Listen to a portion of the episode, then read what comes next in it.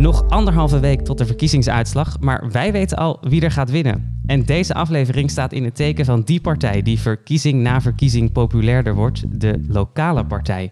In 2018 behaalden de ongeveer duizend lokale partijen bij elkaar bijna 30% van de stemmen. En dat is meer dan twee keer zoveel als de grootste landelijke partij. Maar wat maakt die lokale partijen toch zo aantrekkelijk voor kiezers? Is het de inhoud van hun verkiezingsprogramma's of de soort politici bij die partijen of meer de manier van campagne voeren?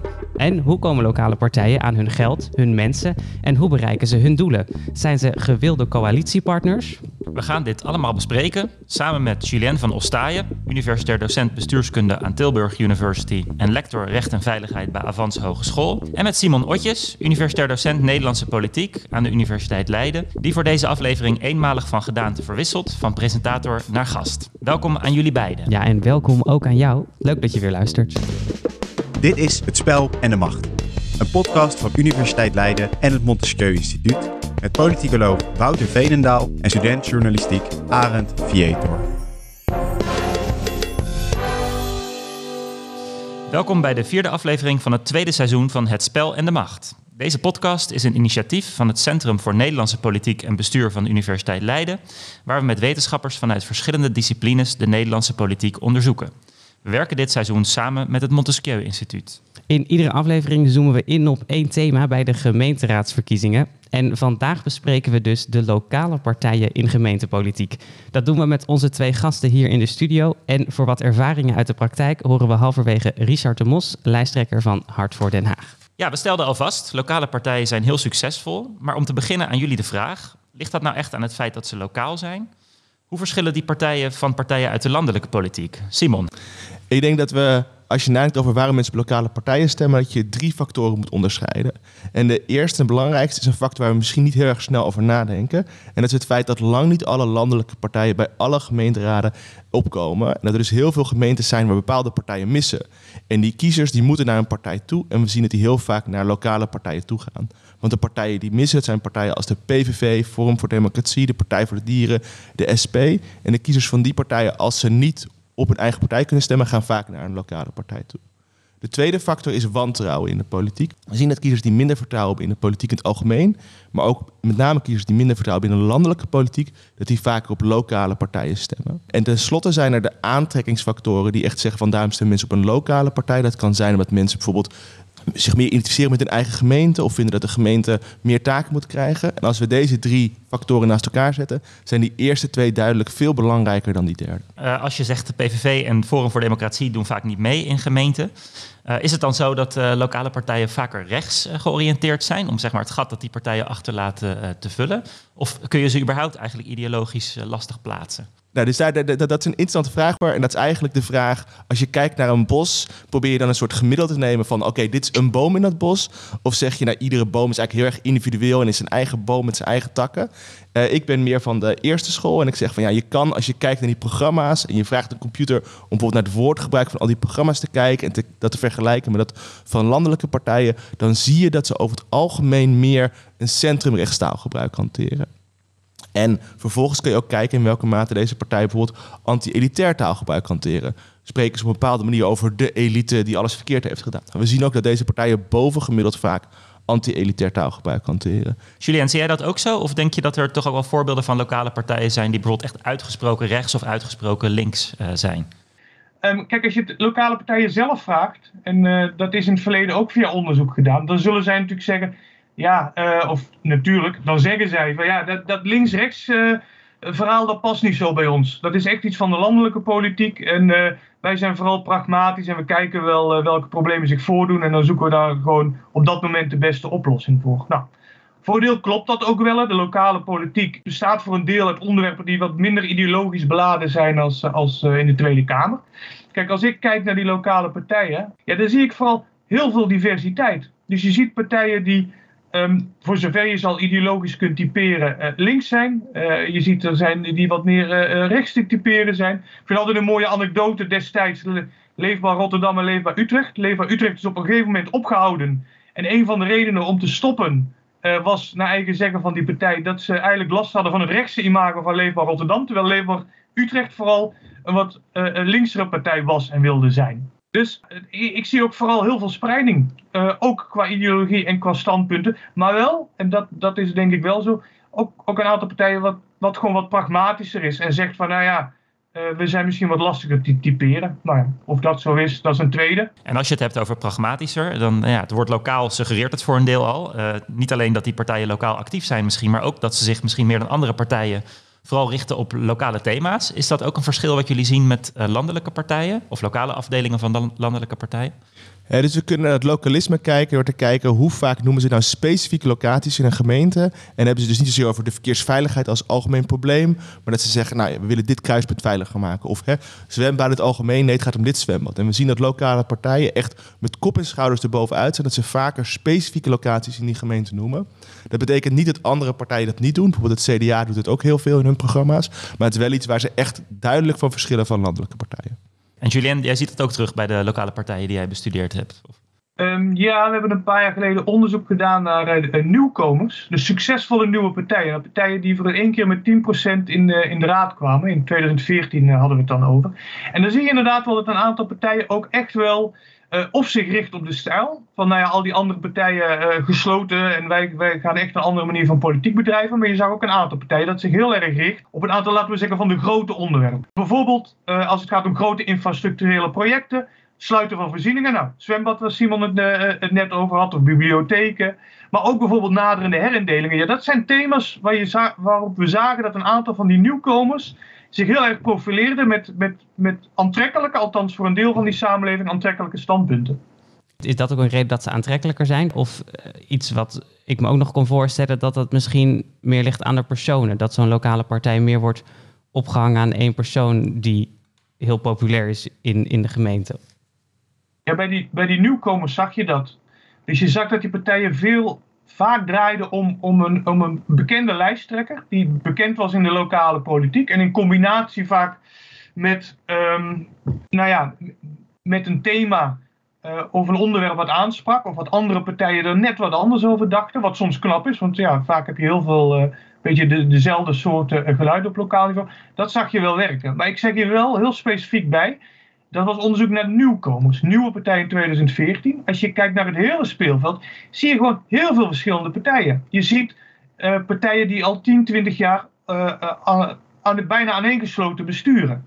Dus dat zijn heel andere partijen dan bijvoorbeeld partijen waar een heel stevige lijsttrekker een soort antipolitiek geluid laat horen. We weten ook dat veel lokale partijen zoals Groep de Mos in Den Haag of Lijst Smolders in Tilburg ja, namen hebben die, van, van de leider. Um, zou je niet kunnen zeggen, als je kijkt naar de algemene trend van personalisering van de politiek, dat we dat misschien bij die lokale partijen nog sterker zien terugkomen eigenlijk? Kijk, die lokale partijen die hebben dat duidelijk. Een gedeelte van die lokale partijen zijn ook echt naamlijsten. Die vernoemt ze naar een specifieke persoon. Uh, maar dat is lang niet de meerderheid. Hè. Dat is een, vrij, vrij kleine groep. Maar we zien net zo goed in de landelijke politiek ook die personalisering. En waarbij partijen ook heel erg sterk hangen aan een specifieke leider en daar succes mee halen. Ik zou niet per se zeggen dat het sterker is in de lokale politiek dan in de landelijke. Sterker nog, dat vereist namelijk dat heel veel mensen weten wie die lokale politici zijn. En we weten dat kiezers over het algemeen niet heel veel interesse hebben in de lokale politiek. Dus een groep kiezers die er heel erg in geïnteresseerd is, die kan daar gevoelig voor zijn. Maar een groep kiezers die eigenlijk zich niet interesseert in de lokale politiek, ja, die zal ook niet die lokale politici kennen. Oké, we zien verkiezing na verkiezing, zoals we aan het begin al zeiden, dat lokale partijen steeds verder groeien. Hoe zou je die groei eigenlijk kunnen verklaren? Lokale partijen gaan terug eigenlijk tot het ontstaan van de politiek met de lijsten. Dus dat is uh, in, in, uh, na, na 1918, na de invoering van evenredige vertegenwoordiging in Nederland. En sindsdien zien we lokale partijen, maar die lokale waren, partijen waren primair eigenlijk in het zuiden van het land, in de katholieke gemeentes, omdat daar de grote partij, de Rooms-Katholieke Staatspartij in die tijd, niet meedeed aan verkiezingen als er niet een concurrent meedeed. Dus als zij de enige partij was, dan zei ze, nou, we laten het over aan lokale partijen. Dat waren dan vaak katholieke werknemers of werkgeverslijsten of lijsten van katholieke boeren. En die konden vervolgens aan die verkiezingen meedoen. Dus dan zien we daar eigenlijk weer hoe belangrijk de afwezigheid van landelijke partijen is om het succes van lokale partijen te verklaren. En vervolgens zien we dat uh, gedurende de jaren 50 en zeker in de jaren 60 en 70 steeds meer landelijke partijen mee gaan doen in die zuidelijke gemeentes. Waardoor, er steeds, waardoor de katholieke partij eigenlijk zegt, dan moeten wij ook gewoon mee gaan doen, want anders raken we onze kiezers kwijt. Nou, in de jaren 80 hebben we dan echt het dieptepunt van de lokale partijen. Ze halen dan ongeveer 10% van de stemmen. En dat is dan heel erg weinig. En sindsdien zien we eigenlijk dat de partijen weer opgaan. Nou, hoe komt dat nou? De belangrijkste factor die ik daarvoor identificeer is het feit dat er steeds meer landelijke partijen zijn die relatief weinig gemeentes meedoen. We zien eigenlijk de opkomst van allerlei partijen. Denk aan de SP in de jaren 90, de LPF in 2002, de PVV. En het zijn allemaal partijen die heel slecht lokaal geworteld zijn in relatief weinig gemeentes meedoen. De SP is misschien wel goed lokaal geworteld in de gemeentes waar ze meedoen, maar besluit om in een aantal in heel veel gemeentes niet mee te doen. En dus dat creëert ruimte voor die, voor die kiezers om vervolgens naar lokale partijen toe te gaan, omdat ze politiek op gemeentelijk niveau eigenlijk ontheemd zijn. Dus die twee processen, nationale versplintering, loopt samen met de opkomst van die lokale partijen. Julien, zie jij dat ook zo? Ja, er zijn zeker ook landelijke factoren. Dus we hebben het ook al gehad over, uh, over het wantrouwen. En ik heb al iets gezegd over, nou ja, als men de Tweede Kamer of de landelijke politiek wat minder uh, positief uh, ziet of bejegent, ja, dan, dan worden partij, andere partijen interessanter. Het is bij het wantrouwen wel echt belangrijk om op te merken dat er soms het beeld, in, de beeld ontstaat, met name door journalisten, dat sinds de jaren tachtig het wantrouwen in Nederland geëxplodeerd is en dat kiezers helemaal geen vertrouwen meer hebben in de politiek. We zien eigenlijk dat dat vertrouwen in de politiek dat heel sterk fluctueert. Er is een relatief hoog basisvertrouwen in de politiek in, in Nederland. Zeker meer in algemene zin in, in de democratie. En het fluctueert. Op bepaalde momenten gaat het meer omhoog en meer omlaag. Uh, en dus we zitten nu bijvoorbeeld in een, in een moment van echt een negatieve conjunctuur. In het afgelopen jaar is het vertrouwen in de politiek heel sterk gedaald. Maar dat betekent niet dat we het, de groei van lokale partijen kunnen verklaren door het feit dat kiezers wantrouwender zijn geworden. Ten opzichte van de jaren 80 zijn er ongeveer evenveel kiezers die zeggen: ja, die politiek die vertrouw ik niet helemaal. Ze zijn alleen meer geconcentreerd bij specifieke partijen. Bij de PVV en Forum voor Democratie landelijk. En bij lokale partijen op het gemeentelijk niveau het is, het is niet zo dat als je hoe minder vertrouwen in de politiek, hoe meer geneigd je bent om op lokale partijen te stemmen. Absoluut, dat is er wel zo. Dus hoe, hoe minder vertrouwen kiezers hebben in de landelijke politiek, hoe vaker ze op lokale partijen stemmen. Uh, maar het is niet zo dat, die, dat de groei van lokale partijen aangeeft dat er mi minder mensen vertrouwen hebben in de landelijke politiek. Dat vertrouwen is ongeveer even groot. Die kiezers zijn alleen meer geconcentreerd bij die lokale partij. Ja, volgens mij is het ook goed om dat inderdaad te beseffen. Dat het vertrouwen in de democratie en ook in de lokale democratie gewoon hoog is. En sterker nog, ook, ook cijfers. Wat we weten over hoe mensen naar het lokaal bestuur kijken. Naar bijvoorbeeld de burgemeester of de raad. Ja, dan zijn die cijfers doorgaans altijd hoger dan, uh, dan nou ja, de soortgelijke instituties en cijfers met betrekking tot het landelijke niveau. En toch omdat er dan ongeveer 30% van de mensen, bijna een derde, op lokale partijen stemt. Neem ik aan, als jullie zeggen het vertrouwen is niet zo laag in de politiek, dan is niet heel die 30% het vertrouwen in de politiek kwijt. Nee, nee, nee. Want er spelen ook juist andere factoren een rol. Ze kunnen op een specifiek issue op een lokale partij stemmen. Ze kunnen niet op hun eigen partij stemmen. Ik bedoel, eh, Volt bijvoorbeeld een partij die juist kiezers uh, mobiliseert... die relatief veel politiek vertrouwen hebben. Die doet bij een tien gemeentes mee. Dus die kiezers moeten ergens naartoe. En de kans is groot dat ze bij een lokale partij uitkomen. Denken jullie dat uh, de groei van lokale partijen zich ook in de toekomst... dus bij de aankomende verkiezingen, maar ook daarna gaat voortzetten? En dat we misschien daardoor uiteindelijk helemaal geen landelijke partijen meer zien deelnemen op het lokale niveau? Nou, dat laatste is wel een heel extreme conclusie, maar ik denk wel dat je zou kunnen voorspellen dat bij de komende verkiezingen lokale partijen zonder meer weer de grootste partij zullen worden als geheel. Uh, en waarschijnlijk ook dat ze groter zullen zijn dan dat ze nu zijn. En dat is dan dus waarschijnlijk omdat we en nu in een periode zitten dat er minder vertrouwen is in de landelijke politiek. En omdat er in de Tweede Kamer een heleboel partijen zitten die je op lokaal niveau niet hebt. Precies. Julien, ben je het daarmee eens? Of zie jij die, uh, die trend misschien wel? Dat we uiteindelijk geen landelijke partijen meer zien deelnemen? Want we zien een partij als de SP bijvoorbeeld nu in minder gemeentes deelnemen dan uh, vier jaar geleden. Ja, ja, SP is natuurlijk wel een bijzonder voorbeeld. Omdat die volgens mij uh, het strengste, of in ieder geval bij de strengste partijen horen. Voor wat betreft het toestaan om onder SP-naam lokaal mee te doen. Um, om toch een beetje mee te denken over die vraag van ja, zou kunnen dat straks geen landelijke partijen meer zijn? Wat je wel misschien zou zien, ik kijk even naar, bijvoorbeeld als je kijkt naar Vlaanderen, daar heb je op het eerste gezicht ook heel veel lokale partijen. Maar wat je daar ziet is dat veel van wat lokale partijen lijken te zijn, omdat ze een lokale naam hebben, blijken landelijke partijen te zijn. Um, en dat zie je in Nederland wel een beetje uh, opkomen. Hè. Dus de PvdA bijvoorbeeld, ja, partij die natuurlijk de afgelopen jaren niet zo geweldig deed. Dus je ziet een aantal van die fracties onder een andere naam naar de verkiezingen gaan om ja, het klinkt een beetje flauw, maar om nou te verbergen dat eigenlijk een PvdA-fractie is. En dat ze dan niet meegaan in het negatieve sentiment. En dat zou natuurlijk wel iets kunnen zijn uh, wat, je, wat je vaker ziet. Dus dat landelijke fracties misschien met een lokale naam meedoen. Maar ik denk niet dat uh, de landelijke partijen zich uh, afzijdig gaan houden van, van lokale, lokale politieke verkiezingen. Ja, politicus weghouden bij verkiezingen. Dat, dat, dat, dat, dat zie ik nog niet zo snel gebeuren, maar wellicht die ontwikkeling. Een andere vraag die ik nog wel heb. Zijn er kiezers die landelijk niet stemmen en lokaal wel? Ja. En zijn die er veel die dus denken, oh lokaal vertrouw ik deze mensen wel, maar landelijk zie ik het niet zitten? Nee, dat zijn mensen die landelijk geen stemrecht hebben, maar lokaal wel. Namelijk mensen die oh. Europees staatsburger zijn of, vijf, of langer dan vijf jaar in Nederland wonen. En die groep kiezers, die mag niet stemmen bij landelijke verkiezingen, maar wel bij gemeenteraadsverkiezingen. Maar er zijn weinig mensen die landelijk niet stemmen en lokaal wel, puur omdat ze in landelijk geen vertrouwen hebben. Het zal voorkomen, maar wat we weten over politieke participatie is dat het eigenlijk een piramidevorm heeft. De meeste mensen doen mee aan de meest makkelijke vorm van participatie. Dat is bijvoorbeeld landelijke verkiezingen. En naarmate het specifieke activiteiten worden, zijn het dezelfde mensen die aan, die activiteiten mee gaan doen. Dus in algemene zin is het zo dat mensen die bij Tweede Kamerverkiezingen stemmen, dat een groot gedeelte ook bij de gemeenteraadsverkiezingen stemmen. En dat vrijwel iedereen die bij de gemeenteraadsverkiezingen stemt en mag stemmen bij de Kamerverkiezingen ook opkomt. Ja, dan nu een vraag over de relaties tussen lokale partijen en hun kiezers. Want Richard de Mos, die we later in deze aflevering spreken, is in Den Haag natuurlijk beroemd geworden met zijn ombudspolitiek, waarmee hij concrete dingen voor zijn kiezers probeert te regelen.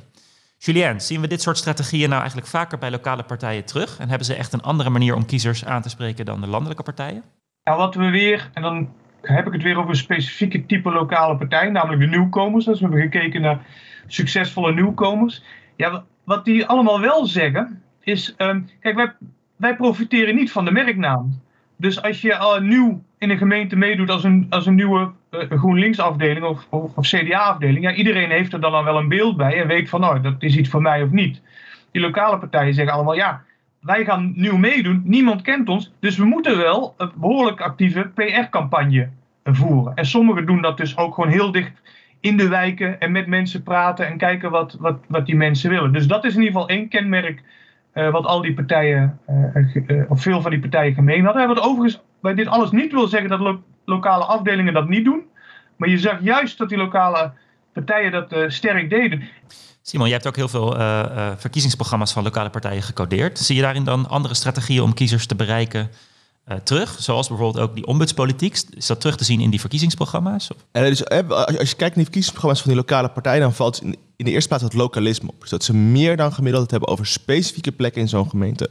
Of ze daarmee dan op een bepaalde manier e-, echt ombudspolitiek bedrijven, durf ik niet te zeggen. Maar volgens mij, je ziet wel heel duidelijk dat meer dan gemiddeld zo'n lokale partij geworteld is en specifieke problemen wil oplossen. Ja, en over die ombudspolitiek sprak Wouter met Richard de Mos, lijsttrekker van Hart voor Den Haag. Straks staan we stil bij de financiering van lokale partijen en bespreken we of lokale partijen gewilde coalitiepartners zijn. Maar eerst dus naar Den Haag. Het spel en de macht in het veld met Wouter Veenendaal.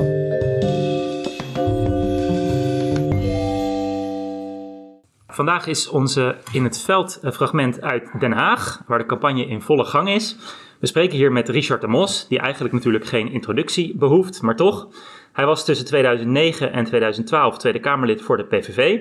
Daarna richtte hij in Den Haag Groep de Mos op, waarmee hij in 2014 en 2018 deelnam aan de gemeenteraadsverkiezingen. In 2018 werd de Mos na een verkiezingsoverwinning wethouder, maar in 2019 trad hij af na een inval in verband met een corruptieonderzoek door de Rijksrecherche. Tweeënhalf jaar later is er nog altijd geen duidelijkheid over mogelijke vervolging. De heer de Mos, uh, ja, inmiddels is de campagne in Den Haag, zoals ik zei, in volle gang.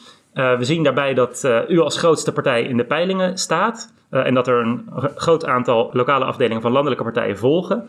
Is volgens u campagne voeren als lokale partij nou echt anders dan als een landelijke partij? Wat zijn de verschillen eigenlijk? Nou ja, de verschil is natuurlijk wel zo dat je ziet dat natuurlijk uh, landelijke partijen eigenlijk niet uh, tegen de bazen in het andere Den Haag, hè, op het, ja. uh, in de Tweede, Tweede Kamer in durven te gaan. Je ziet natuurlijk wel dat landelijke partijen beleid maken die eigenlijk, dat eigenlijk heel slecht is voor gemeenten. Hè, kortom op het gemeentefonds, een tekort aan politieagenten, aan zorgpersoneel, aan leraren. Het zijn allemaal landelijke beslissingen die in de Tweede Kamer worden genomen, die heel slecht uitpakken voor de lokale politiek en voor gemeenten. En je ziet dat lokale partijen daar wel stelling tegen durven te nemen. En landelijke partijen wellicht bang voor de carrière eh, in de toekomst eh, in de Tweede Kamer of als minister, staatssecretaris, ja, die dat eh, niet doen. Ja, dus eigenlijk bent u een stuk vrijer als lokale partij. Een stuk vrijer en ook een stuk meer eh, echt opkomen voor het eh, lokale belang. Dus wij hoeven ook geen verantwoording af te leggen aan, eh, aan eh, landelijke partijbonden. Ja, dan even over die, eh, dat bedrijven van die lokale politiek. U bent beroemd geworden met wat u zelf eh, ombudspolitiek heeft genoemd. Kunt u misschien ook uitleggen eventjes wat dat precies is, wat u daaronder verstaat? Nou, ombudspolitiek is echt eh, eh, politiek bedrijven met in de haarvaten in de samenleving. Dus wij eh, hebben stadsdeelteams die op wijkniveau de, de buurtverenigingen afstropen, de sportverenigingen langs gaan, langs ondernemersverenigingen gaan. Ja, en daar de informatie en het nieuws ophalen en dat we dat echt op microniveau vertalen naar politiek handelen. Dus het stellen van schriftelijke vragen, het maken van een motie. En wij schuwen daarbij ook niet het eh, individuele belang, want eh, wij komen op voor de burgers eh, en ondernemers van Den Haag. En dat is in het notendop wat je ombudspolitiek noemt. Ja, kunt u misschien een praktisch voorbeeld ervan geven? Ik denk dan aan eh, een marktkoopman die misschien een beetje Een plek wil voor zijn ja, een marktkoopman die misschien te hoge tarieven betaalt eh, aan, de, aan de gemeente. Hier in Den Haag is de Haagse markt, daar is de gemeente eigenaar van het, van het marktterrein. En dan moeten dus de tarieven worden betaald. Ja, zo'n marktkoopman kan in de pen klimmen of ons bellen. We zijn daar heel erg eh, benaderbaar. En dan gaan wij er naartoe en dan gaan we kijken of die man of mevrouw een zaak heeft eh, eh, die wij steunen en wat conform ons eh, programma is. Ja, en als dat zo is, dan eh, zullen we het ook zeker voor eh, die meneer of mevrouw opnemen. Ik kan me voorstellen dat het vaak lukt, maar dat het misschien ook af en toe voorkomt eh, dat je nee moet zeggen tegen Nee. bepaalde En inwoners. nee, nee is ook een antwoord dat mensen heel fijn vinden. Dat hoort ook echt bij de ombudspolitiek. Is eh, natuurlijk de cirkel rondmaken. Dus je gaat ergens heen. en Je gaat er proberen eh, een politieke actie van te maken. En als dat niet lukt, is nee ook een antwoord. En vaak vergeten politieke partijen om gewoon de terugkoppeling te geven. Eh, eh, en als je nee kan eh, beargumenteren, dan eh, accepteren mensen dat ook eh, gewoon. En wij proberen altijd de telefoon op te nemen, de mails te beantwoorden. Ja, en ook echt wat aan de individuele gevallen te gaan doen. En natuurlijk hebben we ook een groter kader, het, het bredere belang. Dat staat ook allemaal in ons verkiezingsprogramma. Maar juist die ombudspolitiek is juist de buurten en wijken afstropen. op zoek naar problemen en die problemen dan pragmatisch oplossen. En het leuke van lokale politiek is dat je heel snel dingen kan fixen voor de mensen. Ja, zelfs in een redelijk grote stad als Den Haag lukt Zeker, dat dus nog zeker, om eh, te doen. Uw tegenstanders ehm, zijn niet altijd zo tevreden over die ombudspolitiek. Noemen het soms cliëntelisme of zeggen ja, het legt eigenlijk vooral de nadruk op het belang van individuele burgers, niet van Den Haag als geheel. Hoe kijkt u naar die kritiek? cliëntelisme, ehm, eh, als dat is luisteren naar de cliënt, eh zijn de, de, de burger of de ondernemer, vind ik dat een groot compliment. Maar zij doen natuurlijk vaak cliëntelisme in de verkeerde vorm uitleggen, dat er een wederdienst is. Nou, dat Ja. is natuurlijk fout. Ja. Eh, ehm, ja, en die is er bij ons ook, eh, ook niet. wij halen wel eh, donaties op. eh, in de stad. Wij krijgen anders weer dan landelijke partijen geen eh, ehm, financiering van eh, de wet partijfinanciering. Hè. Daar vallen lokale partijen buiten. Dat is eigenlijk heel gek als je moet concurreren hier in een grote stad als Den Haag met de landelijke partijen. Ja. Dat wij geen subsidie krijgen. Wij moeten alles, hè, onze opleiding van onze raadsleden, moeten wij zelf betalen. Terwijl de VVD of D66, die hebben daar gewoon klasjes voor. En dat wordt gewoon door de landelijke partij tot betaald. Ja. Het screenen van mensen moeten wij zelf doen. Nou goed, zo kan je voorbeelden noemen. Jeugdafdelingen, daar is sub- subsidie voor, hebben wij niet. Dus eh, die, dat oneerlijke speelveld, dat moet worden rechtgetrokken. en wij moeten dus eh, voor onze campagne, moeten wij bij de slager, de bakker en het zalencentrum, moeten wij onze eh, donaties ophalen. En dat doen wij ook. Alleen is de, de vraag daarbij, doen we daar een wederdienst eh, voor? Ja, precies. Nou, dat doen we niet. En is er bij dat contact met die individuele burger, wordt er dan gezegd door politici van uw partij of door uzelf van ja, dan hopen we wel dat u ruil daarvoor toch ook voor ons stemt? Dat is natuurlijk een element van. Nee, niet, niet zozeer. We hebben natuurlijk wel zo. We hopen natuurlijk wel eh, de dingen die we doen. We hopen natuurlijk wel. We zeggen natuurlijk nu ook. Hè, we hebben zelfs nu twee eh, campagneliedjes gemaakt met een, met een knipoog. Ga stemmen. En dan kunnen we het beleid uitstippelen die, wat u wil. Oké, als allerlaatste vraag. Eh, de campagne eh, die is nu in volle gang. Straks zijn de verkiezingen geweest. Dan moet er geformeerd worden. Zeker. U wordt waarschijnlijk eh, de grootste partij. In ieder geval de peilingen laten dat zien. Eh, denkt u dat het moeilijk wordt om met die andere partijen een eh, coalitie te gaan Nou, formeren? Wat ons betreft niet, want wij willen gewoon met iedere partij zaken doen, eh, ongeacht of het nou de Islamdemocraten is, of D66, of de PVV, of, of, of nou, noem nog eens een partij die meedoet, VVD. Wij sluiten niemand uit. En wat je nu ziet in Nederland, de uitsluitingspolitiek, juist van partijen die zeggen voor inclusie te zijn en voor samen te zijn, die zijn de ene na de andere partij aan het uitsluiten. Ik vind dat er in Nederland wel een verkeerde tendens ontstaat van eh, ja, pretentieus gedrag om anderen uit te sluiten en daarmee dus ook de achterban. Nou, ik vind het nogal wat.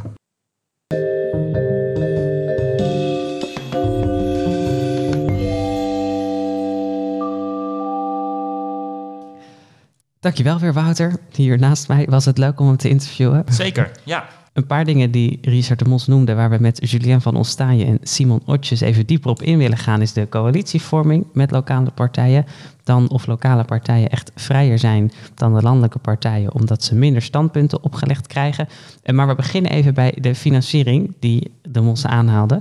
Zoals we net hoorden, kunnen lokale partijen geen aanspraak maken op subsidies vanuit de Rijksoverheid. Simon, hoe zit dat precies? Hoe is dat geregeld? Ja, dus de wet financiering politieke partijen zegt eigenlijk heel simpel: je krijgt financiering als je zetels hebt in de Tweede Kamer. Dan krijg je naar het aantal leden dat je hebt, het aantal zetels dat je hebt, krijg je geld van de overheid. Uh, en dat kan je besteden eigenlijk aan alle activiteiten die je als partij zou willen uh, ontplooien. En omdat lokale partijen geen zetels hebben in de Tweede Kamer, krijg je dus geen financiering. Heeft het voor landelijke partijen nut om heel veel lokale stemmen te halen? Krijgen zij daar ook nog wat voor? Dus je ziet een heel aantal uh, landelijke partijen maakt gebruik van zogenaamde afdrachtregels. En dat betekent als je wethouder of raadslid wordt van die politieke partij, dat je dan vervolgens een gedeelte van je inkomen moet afdragen aan de landelijke partijen. En we zien bijvoorbeeld dat uh, GroenLinks, de SP, de Partij van de Arbeid, uh, die hebben zulke afdrachtregelingen. En is het voor die lokale partijen inderdaad een groot nadeel dat ze dus niet zo'n landelijke subsidie hebben? Maakt dat veel verschil? Het creëert een ongelijk speelveld. En daarmee kan je echt zeggen dat landelijke partijen een voordeel hebben ten opzichte van lokale partijen. En dat het in die zin echt heel bijzonder is dat lokale partijen, ondanks dat ongelijke speelveld, nog steeds zo groot zijn. Tegelijkertijd is het niet zo per se dat partijfinanciering per se meer zetels oplevert. De partij die het rijkst is in Nederland is de SP. En die is al bezig om verkiezing op verkiezing eigenlijk gewoon zetels te verliezen. Dus het is niet zo dat je met iedere euro die je hebt stemmen kan kopen. Door het gebrek aan rijkssubsidies moeten lokale partijen dus inderdaad op zoek naar andere inkomstenbronnen of sponsoren. Julien, hoe gaat dat in de praktijk in zijn werk? Ja, wat, wat Simon terecht al zegt, is er zijn meerdere inkomstenbronnen. Dus ik ben het helemaal eens met het ongelijke speelveld. Maar je ziet wel dat partijen proberen nou, niet van één bron afhankelijk te zijn. Misschien eerst afdracht, want dat is ook iets wat bij lokale partijen speelt natuurlijk. Hè. Dus uh, je kunt zeggen dat is een vrijwillige afdracht, maar er zit natuurlijk wel wat sociale druk achter, ook bij lokale partijen, dat die raadsleden en die wethouders een deel ervan in de, in de stoppen, maar ook giften. Um, en het laatste onderzoek wat ik ken, uh, wat daarnaar heeft gekeken, ja, dat toont toch aan dat, dat, die, dat ook die lokale afdelingen van landelijke partijen ook van giften gebruik maken. Nou, er zitten natuurlijk altijd risico's aan, maar die zitten dus niet alleen bij die lokale partijen. En wat wel is, ja, zoals net ook uh, Richard de Mos zei, ja, die grotere partijen hebben natuurlijk, of die landelijke partijen hebben natuurlijk in hun organisatie allerlei trainings- en opleidingsmogelijkheden. Dat is ook wat de meeste lokale partijen zeggen te missen uh, daardoor hebben het wel over vooral voor de verkiezingen. Na de verkiezingen heb je natuurlijk inwerkprogramma's vanuit de Griffie, de ambtelijke ondersteuning van de Raad. Maar zeker daarvoor, ja, al die klasjes die er in die, uh, in die landelijke partijen zijn, die hebben lokale partijen niet. Die hebben nu wel een kennispunt lokale politieke partijen. Die doen daar ook wel het een en ander aan. En je ziet dat die, zoals ik heb begrepen, dat die cursussen ook behoorlijk goed uh, bezocht zijn. Maar er zit natuurlijk, als je kijkt naar de financiën erachter en hoeveel hebben ze daarvoor uh, voor beschikbaar, dan zie je dat die lokale partijen natuurlijk nog veel minder middelen hebben wat dat betreft dan die, uh, dan die landelijke partijen. En, en nog even terug naar die giften. Hoe komen die lokale partijen eraan? Gaan ze de wijk in en collecteren om de deur of aan de deur? Of ziet dat er wat anders uit? Nee, dat, dat, dat kan inderdaad giften zijn, gewoon geld. Maar wat we ook, ik heb een paar keer onderzoek mogen doen naar hoe, hoe zitten die verkiezingscampagnes lokaal in elkaar. Maar soms is het ook, ook in natura, dus van een ondernemer die een vergaderzaal beschikbaar stelt of een, een, een, een andere ondernemer die zegt, nou weet je wel, ik heb, die, die die mag je bij mij wel uitprinten. Dat zijn ook allemaal manieren waarop ja, de samenleving zo'n lokale partij probeert te, te steunen. Ja, je, je zou wel kunnen zeggen dat uh, in een gemeente, waar natuurlijk de lijntjes ook tussen ondernemers en politici korter zijn, dat misschien daardoor ook het risico op corruptie dan uh, groter is. En we hebben natuurlijk wel een aantal corruptiezaken toch ook gezien in de lokale politiek. Zien jullie inderdaad dat het risico uh, mogelijk groter is op lokaal niveau dan op landelijk niveau bijvoorbeeld? Nou, ja, alles zit dichter op elkaar. Je moet aan de ene kant, vind ik, lokale politiek ook de kans geven om dat soort, ja, laten we het maar even ombudspolitiek te bedrijven. Dat mag, dat moet kunnen. Maar je moet wel heel erg uitkijken, zeker op lokaal niveau, waar ligt de grens? Nou ja, met de casus Richard de Mos is het OM nu een jaar of drie bezig. Dus voor mij geeft dat aan, voor zover ik daar iets over kan zeggen, is dat het kennelijk wel heel lastig gaat, is om te kijken van is dat nu over de scheef gegaan of niet. En het zou denk ik goed zijn um, ja, dat we daar wat meer duidelijkheid over hebben. Maar ik denk dat het op lokaal niveau altijd heel lastig is om dat precies te bepalen. Omdat nou ja, eh, belangen, giften en zo, dat, loopt, dat, ja, dat, dat zijn nu helemaal dingen die daar spelen. En omdat die ingewikkeldheid en die risico's te voorkomen, denken jullie dat het beter zou zijn als het subsidiesysteem anders wordt ingericht? Als misschien die lokale partijen wel op een manier gesubsidieerd worden? Ja, dus uh, volgens mij is de Tweede Kamer daar ook niet mee bezig, omdat het gewoon een ongelijk speelveld creëert. Natuurlijk is het zo, zelfs als je subsidie krijgt, dan krijg je ook nog giften. De boel D66, de VVD, de Partij voor de Dieren hebben ook allemaal grote giften aangenomen. Het is niet zo dat subsidie ons daartegen beschermt. Het is alleen zo dat het, een, een, dat het, die, dat die giften minder noodzakelijk maakt voor die lokale partijen. Uh, en bovendien dat het gewoon een gelijk speelveld creëert, dat we alle partijen gelijk behandelen. Ja, ik denk dat het risico ook, wat Simon zegt, dat blijft gewoon. Hè? Dus ook de, de landelijke partij die ongeveer 1000 euro meer, op lokaal niveau 1000 euro meer inkomsten per jaar hebben, ook die hebben nog steeds die giften. En waar je met giften werkt, ja, er liggen ook nog steeds die risico's. Ja, die blijven dan eigenlijk bestaan op die manier. Maar iets anders waar ik het nog over wil hebben, wat Richard de Mos ook noemde, over eigenlijk de, de, de, de relatie tussen die landelijke lokale partijen en hun landelijke partijen. Die onderhouden vaak veel contact met elkaar. Zorgt dat voor verschillen in hoe lokale partijen die losstaan van landelijke eventuele bemoeienis, zorgt dat voor verschil in hoe zij politiek bedrijven? Nou, ik daar iets over mag zeggen, um, ik, ik, heb altijd wel veel sympathie voor die lokale partijen. Ik bedoel, het zijn ook carrières die inderdaad meestal niet verder gaan dan die gemeente. Maar op dit punt vind ik altijd dat lokale partijen wel um, soms wat overdrijven. In de zin van, nou, die lo lokale afdelingen van landelijke partijen liggen allemaal aan een soort uh, leiband en hebben heel weinig speelruimte. Ik heb veel onderzoek gedaan. Ik geef toe naar de wat middelgrote, kleinere gemeenten. En dan zie je dat dat eigenlijk wel meevalt. Um, dus die lokale, sterker nog veel landelijke partijen adviseren het ook. Ga nou eens op zoek naar die lokale thema's. Want daar, daar kun je wellicht het verschil maken. Ik sluit niet uit dat op sommige onderdelen en in de wat grotere gemeenten dat die bemoeienis bijvoorbeeld met coalitieonderhandelingen wat groter is. Ik weet van een aantal voorbeelden dat er bij coalities waarin de partijen mee mogen doen die nou ja, op landelijk niveau wat omstreden zijn, dat er echt wel veelvuldig op zijn minst telefonisch contact is met je partijleiding. Um, dus daar zit het wat wel in. Maar als het gaat in heel veel gemeenten over nou ja, welk beleid zet je in je verkiezingsprogramma, dan zie ik ook dat er gewoon heel veel vrijheid is bij die lokale afdelingen. Ja, dus eigenlijk alleen bij de eventuele coalitieonderhandelingen zoals GroenLinks en D66 hebben gedaan laatst. Uh, die zeggen niet met Forum Democratie en, uh, en PVV, maar eigenlijk daarvoor, voor de verkiezingen en die standpunten, daar valt de bemoeienis meestal wel mee.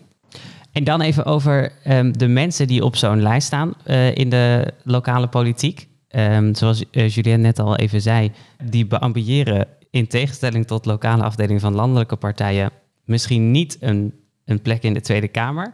Uh, maakt dat nog verschil in de mensen die op die lijst staan? Dat die dus eigenlijk niet een hoge ambitie hebben in de landelijke politiek? Hey, kijk, niet iedereen die de gemeenteraad ingaat voor een landelijke partij heeft landelijke ambities. En het is ook zo dat er allerlei dat er politici zijn die vanuit lokale partijen zijn gekomen en die vervolgens landelijke politiek zijn gaan bedrijven. Denk aan Joost Eertmans. Dus het is niet zo dat het een één op één relatie is. Dat iedereen uh, gemeenteraadslid wordt in, laten we zeggen, een of ander klein dorpje, gemeenteraadslid wordt in Helmond of zo. En dan vervolgens denkt, ja, ik wil Tweede Kamerlid worden. Maar het gebeurt, het gebeurt wel veel, toch? Ik weet dat veel partijen die zeggen, wil jij politiek actief worden, begin lokaal. Het is, het is, een, het is een recruteringspool voor, uh, voor die landelijke politiek. Maar nog steeds is het zo dat lang niet alle Tweede Kamerleden daarvoor gemeenteraadslid waren. Zie je een ander soort type mensen eigenlijk in die uh, gemeenteraadsfracties van lokale partijen? Want je zou denken, als ze dus bijvoorbeeld niet de ambitie hebben om landelijk actief te worden, dat misschien minder jonge mensen uh, voor dat soort partijen actief zijn. Dat het meer oudere mensen zijn bij lokale partijen actief zijn. Ja, er zijn wat cijfers um, dat inderdaad lokale partijen wat. Als je kijkt naar, naar wie er op de lijst staat of wie de raadslid voor, nou, daar zit wel overlap natuurlijk, dat, dat die mensen wat ouder zijn. Uh, wat meer, vaak, nog wat vaker mannen dan, dan de raadsleden al zijn, maar wel aan de andere kant wat meer ook uh, praktisch opgeleide hebben. Dus van de ene kant ja, lijken ze meer op het gemiddelde, gemiddelde Nederlander, aan de andere kant wat minder. Als het gaat om de vraag, doen ze nu, zijn het andere mensen? Ik ben daar, ik denk dat dat wel meevalt. Hè? Dat, ook dat wordt wel eens gezegd. Hè? Die van de lokale partijen betrokken in het verenigingsleven, lokaal actief. Maar ja, dat zie je bijvoorbeeld bij, die, bij, CDA's en andere partijen ook. Dat zijn soms ook mensen die al 10, 20 jaar in die gemeente wonen, actief zijn in het verenigingsleven. Dus daar zijn wel wat statistische verschillen, maar over het algemeen denk ik niet dat het wezenlijk andere mensen zijn. En het is belangrijk om op te merken dat lokale partijen vaak sterker zijn in kleine gemeentes. En dat daar over het algemeen de raadsleden ook ouder zijn. Omdat jonge raadsleden toch met name voorkomen in studentensteden. Waar vaak een landelijke politiek domineert. Dus ik zou opnieuw ben met Julien eens dat je daar niet een heel erg sterk onderscheid tussen ziet. Dan tot slot nog even over de, de samenwerking of de coalitievorming uh, na de verkiezingen. Hebben die lokale partijen daarin nog een speciale rol? Zijn zij heel aantrekkelijk? Misschien omdat we aan het begin noemden dat ze wat meer bezig zijn met, met, de kruising uh, in de stad. Dat dat makkelijker is om te zeggen, nou dat vinden we goed in die onderhandelingen dan ideologische verschillen. Dus wat we zien is dat lokale partijen net iets minder dan gemiddeld dan landelijke partijen in zo'n coalitie komen. Dus dat ze iets lastig in zo'n coalitie komen. Maar dat het verschil eigenlijk wegvalt als we voor twee belangrijke factoren controleren. Namelijk het feit dat deze partijen meer dan gemiddeld anti-elitaire retoriek hanteren. Dat maakt je een onaantrekkelijke coalitiepartner. Als jij zegt, hè, het, is, het is één grote bende daar in het gemeentehuis en die moeten we dus uitgooien. Is het niet heel raar dat de mensen die voor de rest in het gemeentehuis zaten, dan bij jou zeggen van kom lekker de coalitie in. Maar aan de andere kant is dus het pragmatisme wat je benoemt. En dat echt die lokale oriëntatie, die lokale problemen willen oplossen. Dat maakt juist een aantrekkelijke coalitiepartner. Als jij anders te maken heeft met de SP en GroenLinks, die hele utopische visies hebben en het moet allemaal anders. En het is een partij die gewoon zegt, er moet hier een kruispunt veiliger. Weet ik wel met wie ik als vier VVD zou willen regeren. Dat is makkelijker om het dan te doen met zo'n lokale partij. Maar grappig, je zegt dat is dus niet per se uh, het gemiddelde of de meerderheid. In het algemeen zijn er dus ook nog genoeg lokale partijen die vier jaar lang in de oppositie zitten omdat ze niet geaccepteerd worden door, door, door de rest van de partijen, omdat ze te anti-elitair zijn. dus, dus coalitievorming is überhaupt ingewikkeld en lastig te voorspellen. Dus ik vind het om dat wat gevaarlijk. Maar de lokale partij heeft eigenlijk twee zielen in zijn borst. Aan de ene kant dus dat anti-elitaire, dat maakt je onaantrekkelijk om mee samen te werken. En aan de andere kant juist dat pragmatische, lokalistische, wat je makkelijker maakt om samen te werken. En dus dat zorgt ervoor dat, als we daarnaar kijken, dat dat het belangrijke voorspeller zijn dan of je een lokale partij bent of niet. Julien, je voorbeelden van lokale partijen die juist heel lang uh, in, de, in het college van BMW eh, actief zijn geweest? Of juist lokale partijen die, uh, die altijd wel willen, maar misschien altijd worden uitgesloten door andere coalitiepartners? Ik had het al over die diversiteit van partijen. De ene partij heeft gewoon andere kenmerken en karakters en geschiedenis en houding dan andere. Nou, je vraagt voorbeelden. Um, Lijst Smoller-Stilburg, de grootste partij in Tilburg, maar ja, toch uh, gewoon qua retoriek en, en, en, en, qua houding dat andere partijen zeggen, nou dat is niet echt een partij waar we mee samen willen werken. Ander voorbeeld, echt voor Barendrecht, ook een bijzondere. 2014 als nieuwe partij uh, opgericht, gelijk gaan besturen, erg knap. Daarna, na besturen, ook nog eens de verkiezingen winnen, nou dubbel knap. Zo groot dat je bijna de absolute meerderheid hebt, maar kennelijk op zo'n manier je hebt opgesteld. Dat in ieder geval die andere partijen, alle andere partijen zeggen, nou wij gaan met z'n allen samen de coalitie vormen, alleen maar zodat uh, Ex van Barendrecht in de oppositie blijft. Dus dat, dan zie je dus dat, dat het speelveld enorm breed is en dat er allerlei ja, uh, soorten partijen zijn die op allerlei manieren ook afkeer of juist aantrekkingskracht hebben bij, bij, bij die andere partijen die er, die er ook in de raad zitten. En bijvoorbeeld die ene partij heeft die toen die verkiezingen daarna weer flink verloren. Was het vervelend voor hun kiezers dat zij niet aan de knoppen konden zitten? Dat ze daarmee niks bereikten? Dat gaan we zien in 2022. Want dan uh, zijn er verkiezingen waarvoor, waar, na, na 2018. Natuurlijk, ja. Dank jullie wel. Julien van Ostaaije, universitair docent bestuurskunde aan Tilburg University en lector recht en veiligheid bij Avans Hogeschool. En ook bedankt aan Richard de Mos, lijsttrekker van Hart voor Den Haag. En Simon Otjes, universitair docent Nederlandse politiek aan de Universiteit Leiden. Over twee weken dan ben jij, Simon, hier gewoon weer bij als presentator. En dan zijn onder meer te gast Joes de Natris en oud-burgemeester van Amsterdam, Job Cohen. Samen met hen bespreken wij de verkiezingsuitslag en de vraag hoe werkt coalitievorming in de gemeente. Vergeet je hiervoor niet te abonneren in je podcast-app als je dat nog niet gedaan had. Redactie en productie kwam ook deze aflevering weer van Femke van der Grien, Simon Otjes, Wouter Veenendaal en mij, Arend Vietor. En Vadien Bakker maakte de muziek. Ik hoop dat jij mede dankzij ons straks met veel wijsheid en plezier je stem uitbrengt. Bedankt weer voor het luisteren. Tot over twee weken.